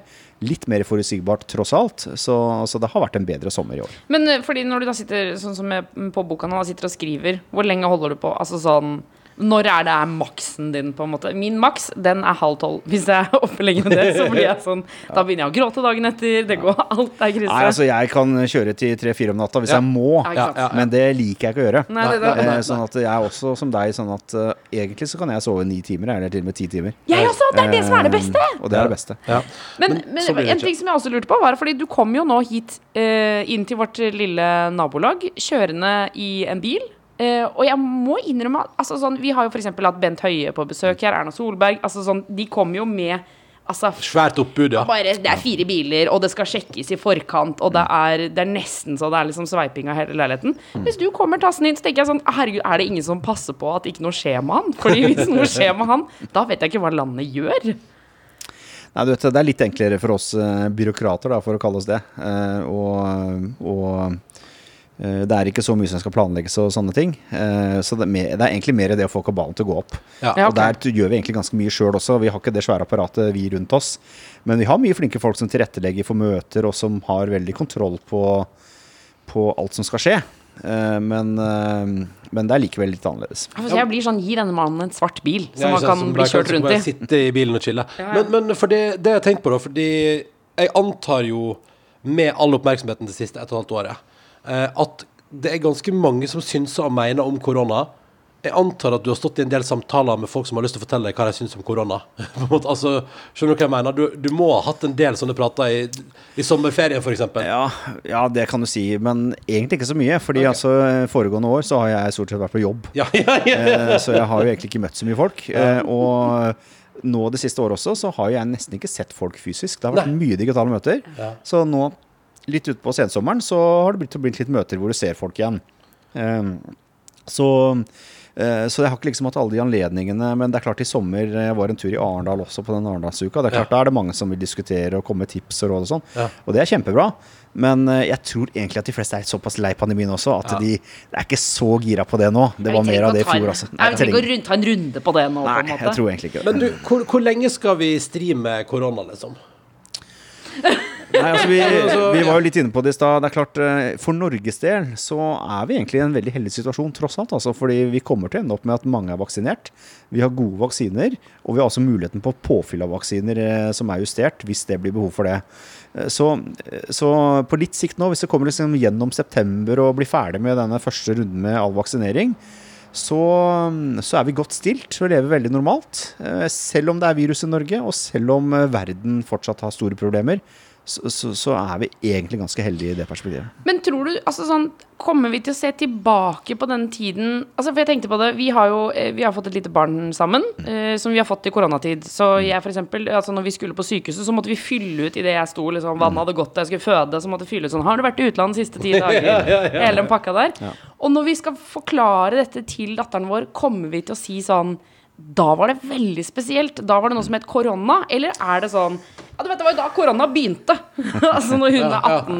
på Det en fantes en tid før der du bare kunne gå rett inn på sykehuset. Altså, jeg, jeg, jeg er ganske sikker på at uh, om noen år så er vi i en situasjon der uh, der vi eh, i hele verden lever veldig normalt. Dette viruset vil kanskje dukke opp i vinterhalvåret mange steder. Ja. Etter hvert så vil det kanskje bli som et influensavirus i prinsippet. Og kanskje til og med mindre enn det også. Um, men jeg tror nok dagens unge, de som har gått på skole nå f.eks., de som husker dette med hjemmeskole, digital undervisning, de vil huske dette her. Altså. Jeg tror de vil se tilbake på oppveksten sin at shit, det var faktisk to år kanskje av livet mitt hvor det var korona. Eh, og så tror jeg vi overvurderer noen ganger, eller overdriver noen ganger, hvor eh, tøft det har vært for dem. Fordi barn er tilpasningsdyktige og flinke, eh, og veldig robuste, de aller fleste. Eh, men de vil huske det likevel. Ja. Og de vil huske både det negative, og kanskje vil de huske at de var litt mer sammen med foreldrene sine enn det ellers ville vært. ja. Så de vil huske begge deler, men de vil huske det. Det tror jeg ikke er noe tvil om. Altså. Ok, så, det, så de to åra her vil stå ut Når vi kommer 50 år frem i tid, så vil de to åra her fortsatt være rare. Det vil, dette her er Det her kommer folk til å lære om i historie på skolen om 30 år, liksom. Jeg, jeg tror det. Og det okay. som er litt pussig, det er at uh, man hadde jo en sånn fase for 102 år siden under spanskesyken, altså fra 1918 til 1920. Ja. Det var også to år som virkelig hadde stor uh, påvirkning i hele verden. Men det er jo ingen som husker det. Nei, nei, nei. Eh, Sånn at vi har egentlig Det fins noen bøker ikke sant, og sånne ting, men det er jo veldig mange av de samme tingene. ikke sant? Karantene, kohort. Alle disse tingene har liksom da blitt gjentatt etter mer enn 100 år. Eh, og, men vi har måttet finne opp kruttet på nytt, nærmest, fordi det er jo ingen som har de erfaringene. Så det Ja, er litt spesielt. For det skulle jeg spørre deg om, Espen. Når, når du da blir spurt om å være vikar i Helsedirektoratet der, og trappa opp der mars i fjor, og det er liksom pandemi og Bent Høie har vel holdt et langt prat om at man måtte liksom få med folket. Så det vi liksom ventet til Nå kan vi si til hele befolkningen nå må dere bare være hjemme. Og man uh, røsker med seg dopapir, eh, og det er helt kaos i Norge. Hva satt dere da med som fagfolk av eksperti... Altså, hva, hva, hva erfaringer har man når man ser på Forsage og sånn? Det er jo det, det samme opplegg Altså, jeg kan jo ing, jeg kan, jeg kan ingenting om det her, men, men hadde dere nok data til å liksom forstå ganske tidlig hva det dreier seg om? Ja, vi hadde faktisk det. Ja, dere hadde og det. dette skriver jeg også litt om i denne boka. Ja, ja. Vi hadde da tre måneder bak oss, i hvert fall noen av oss, som, hvor vi hadde studert dette veldig nøye. Lært mye av Kina, eh, hva de gjorde. Eh, også lært mye av eh, hva som skjedde i 2003, da SARS-1-viruset kom. Det spredte seg jo til eh, ganske mange land, eh, 33 land. eh, og ble håndtert eh, eh, på måter som skapte erfaringer, i hvert fall for de landene som var mest affisert. Men hvorfor tok Så- ikke det av, liksom? Du kan si, eh, Hvis jeg skal forklare veldig kort og enkelt Ja. hva som har vært problemet med denne pandemien, Ja. så er det at eh, dette koronaviruset har vært to hakk for snilt til at alle tar det på blodig alvor. Eh, Ja. Fordi man trodde lenge at dette var kanskje som en influensa. Ja. Eh, Riktignok trodde ikke de landene som hadde SARS i 2003 det. De var veldig bekymra og tok det veldig alvorlig. Mm. Men mange andre land tok det ikke alvorlig i det hele tatt. Og tenkte vel at dette blir som en influensa. Eh, samtidig så er viruset to hakk for slemt til at du bare kan ignorere det. For det er faktisk i stand til å knekke ryggen på et helsevesen. Det har vi sett, selv i USA. Sånn at det havner i en sånn mellomfase. Og det er veldig skummelt, for da blir situasjonsforståelsen og målsettingen for det du skal gjøre i de ulike landene, blir veldig ulik. Og, og det kombinert med at viruset er så smittsomt før du merker symptomer, er liksom en sånn perfekt storm. altså Det er perfekt for et virus. At noen tar det ikke på alvor, noen tar det på alvor, men det smitter uansett før folk blir syke. Altså, det blir nesten ikke bedre for et virus eh, hvis det skal spre seg globalt. Og det er kanskje med korte ord hovedforklaringen på hvorfor dette har blitt så vanskelig. Ja, så fordi Hvis man skulle lagd en film om en pandemi, så ville man på en måte tatt det utgangspunktet der. Så ville man sagt sånn, ja, sånn at man ikke merker det, og så smitter det skikkelig. Og... Ja, for du kan si ikke sant, med ebola og sånne ting som er mer alvorlig, da blir det jo mer og mer smittsomme jo sjukere du blir, og dessuten så tar alle det på blodigste alvor. Eh, så da får det vanligvis ikke viruset sjanse til å spre seg så mye. Men dette viruset, som da kanskje halvparten har da smitta andre før de merket symptomer, da blir det veldig vanskelig eh, å stoppe det. Og så blir i tillegg viruset mer smittsomt. Og i tillegg så sprer det seg i samfunn hvor det jo eh, til tider er veldig lite smitteverntiltak, og det er jo perfekt for viruset. Men fordi, og så så jeg en video på eh, Instagrammen til NRK Nyheter eh, nå i stad med en dame som eh, forteller at hun tror ikke på at det er en pandemi. Eh, og så sier hun annet at hvis det hadde vært en pandemi, så hadde jo folk vært livredde. Vi hadde sett lik i gatene. Det hadde vært på en måte helt uh, Da hadde vi merket det. Nå merker vi ingenting. Altså, kan du ha forståelse for de tankene? Ja, absolutt. Altså, det, er jo, det er jo dette som gjør at folk har veldig ulik eh, vurdering og situasjonsforståelse av ting. Og selv folk med den samme fagbakgrunnen, som får den samme informasjonen, tenker veldig ulikt. Eh, overraskende ulikt, faktisk, mange ganger.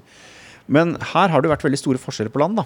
Altså Hvis du drar til London nå og ser på, eh, på disse hjertene som er tegnet eh, av disse 130 000 hjertene da, for 130 000 dødsfall, det er veldig mange mennesker. Ja. Og, og, og hvis du har vært på sykehus eh, på østkysten av USA i april i fjor f.eks. og sett hva som skjedde der, så er det klart det er noe helt annet enn vi har opplevd i Norge.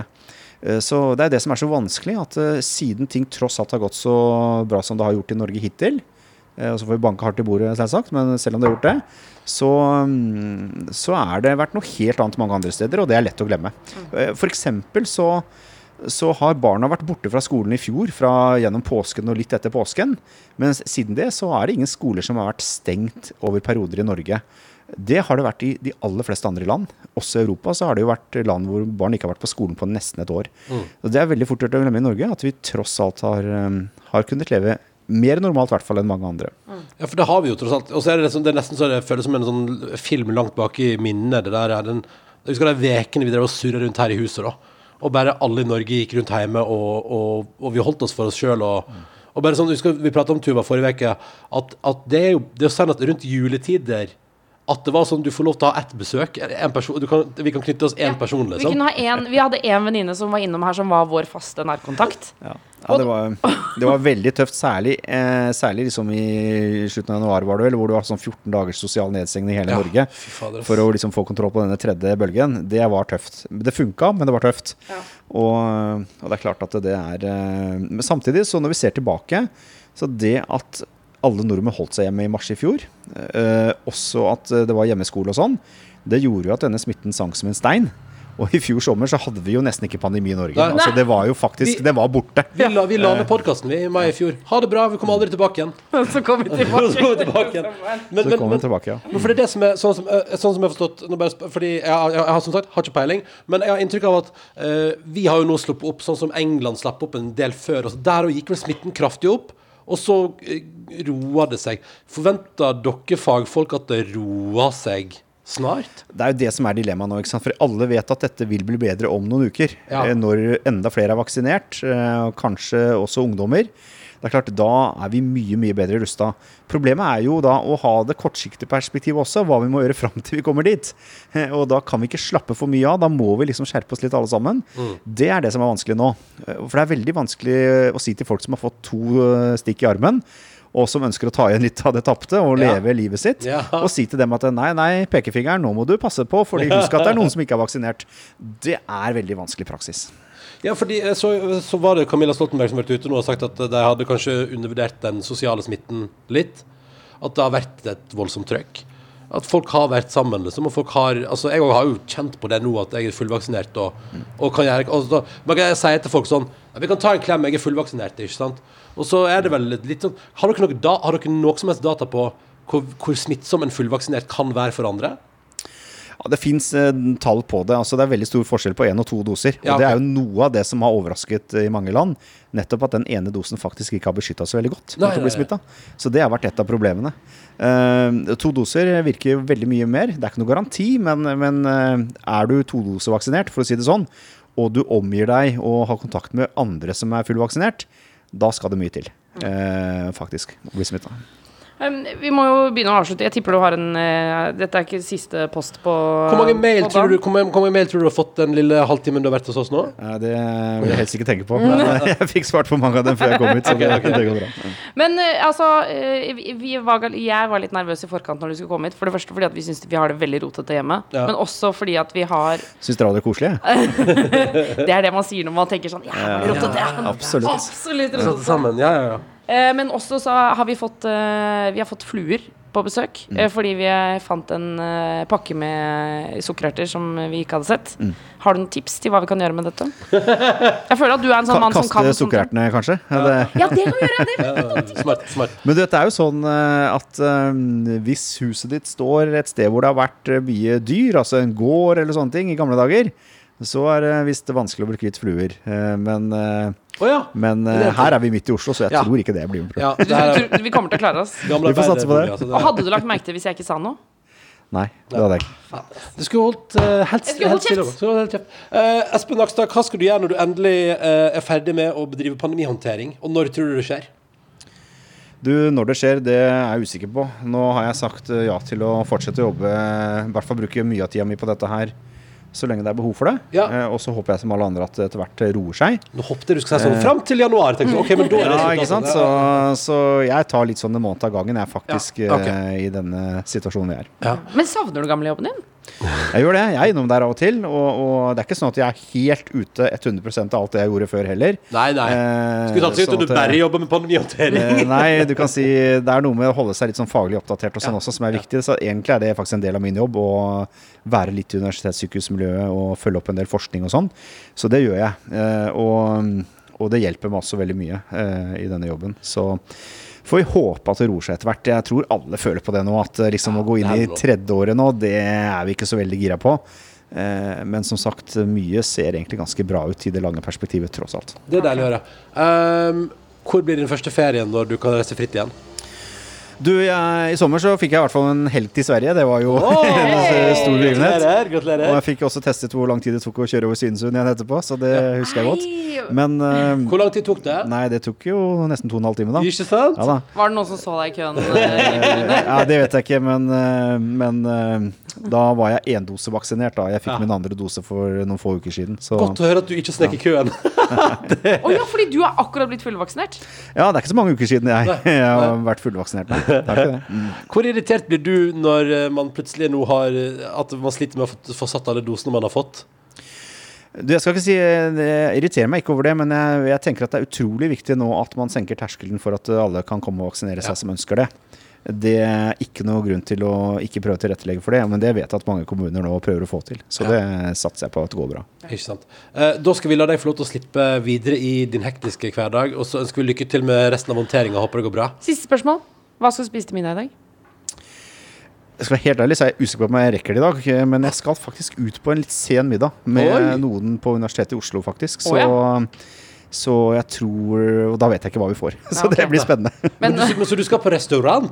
Ja, ja. Jeg er litt usikker på hvor jeg skal, faktisk. Det er en av de tingene Altså Apropos det å ikke tenke på ting før du skal gjøre det. Ja. Jeg får sjekke det i hvert fall i løpet av kvelden, tenker jeg. Ja, det er. håper noen legger det inn i kalenderen din, da. Jeg tror kanskje det ligger der. Å herregud, aller, aller siste spørsmål. Har du en felles chatgruppe med Bent Høie, Camilla Stoltenberg og gjengen der? Nei, det har vi ikke. Og vi eh, ser hverandre så mye i digitale møter, alle i Helse-Norge, at uh, det er veldig lite behov for, uh, for uh, chatgrupper og sånne ting. Ja, for dere sitter stort sett i også møter uansett. noen ganger når det er pressekonferanser, så møter man folk, men, men det er veldig mye digitalt. Ja, okay. Særlig Camilla har jeg vel sett 99% digitalt. Eh, Ja. De få jeg har sett, er egentlig de som er i direktoratet. Ja. Og det er stort sett de samme hele tiden. Så det, det er sånn det har vært dette året. Men men for å snu på det, tror du når det roer seg, at du, Bent Høie og Camilla Stoltenberg og co. kommer til å sette dere ned og ta en debrief? Altså Gå ut og spise middag? Sosialt, altså. En, en middagsdebrief. Sånn. Ja. Ja, hva har vi vært gjennom? Jeg tror det er lurt med debrifer. Ja, og det ja. pleier jeg å si når jeg underviser i ulike sammenhenger. At, uh, at uh, å følge disse tommefingerreglene for krisehåndtering, som går på liksom situasjonsforståelse og målsetting og gjennomføringsevne og alt dette her, så kommer man til det siste punktet, og det er evaluering. Ja. Og det å sette seg ned og prate gjennom hva vi har vært gjennom, uh, sørge for at det kan gå bedre neste gang, og gjøre noe forbedringsarbeid, det er veldig viktig i alle livets faser. Så så jeg håper jo det. Problemet er jo at det kanskje ikke er noe sånn tidspunkt, altså sånn ak- eksakt dato, at da er det ferdig. Ja, ja. Eh, Sånn at eh, da må vi jo prøve å finne en dato. Der det sånn litt uavhengig av det, da. Eh, fordi, eh, for det, det blir ikke siste gangen eh, en pandemi herjer Norge. Det blir det garantert ikke, men eh, det trenger heller ikke å, å komme noen ny pandemi med det første. Mye avhenger nå om verden har lært litt av dette her. Eh, hvis verden har det, og vi skjerper oss på litt eh, andre ting som gjelder miljøvern og andre ting, så, så gjør vi det vanskeligere for sånne dyrevirus å ramme oss på nytt. Men når vi ser deg, eh, Camilla Stoltenberg og Bent Høie ute og spiser eh, og Ja. deler noen flasker med vin, da veit vi nå, Nå er det over. Nå er det over! Nå er det over. Det vet vi, det, det, det, det, det er den datoen som blir stående som sluttdatoen for korona i Norge. Ja, Det er kanskje en sluttdato. Ja, vi får se. Vi får se. Eh, Espen Aasrup Nakstad, tusen takk for at du kom og besøkte podkasten vår. Og Det er sikkert tusen ting, ting vi kunne prate om, men nå kjenner jeg på at nå det er smitterekord tross alt, så du skal få lov til å gå videre i dagen din. Takk for besøket. Bare hyggelig. Og så sier vi ha det bra også samtidig. Ha det! Ha det. Du har hørt en podkast fra NRK og P3. Hør flere podkaster i appen NRK Radio.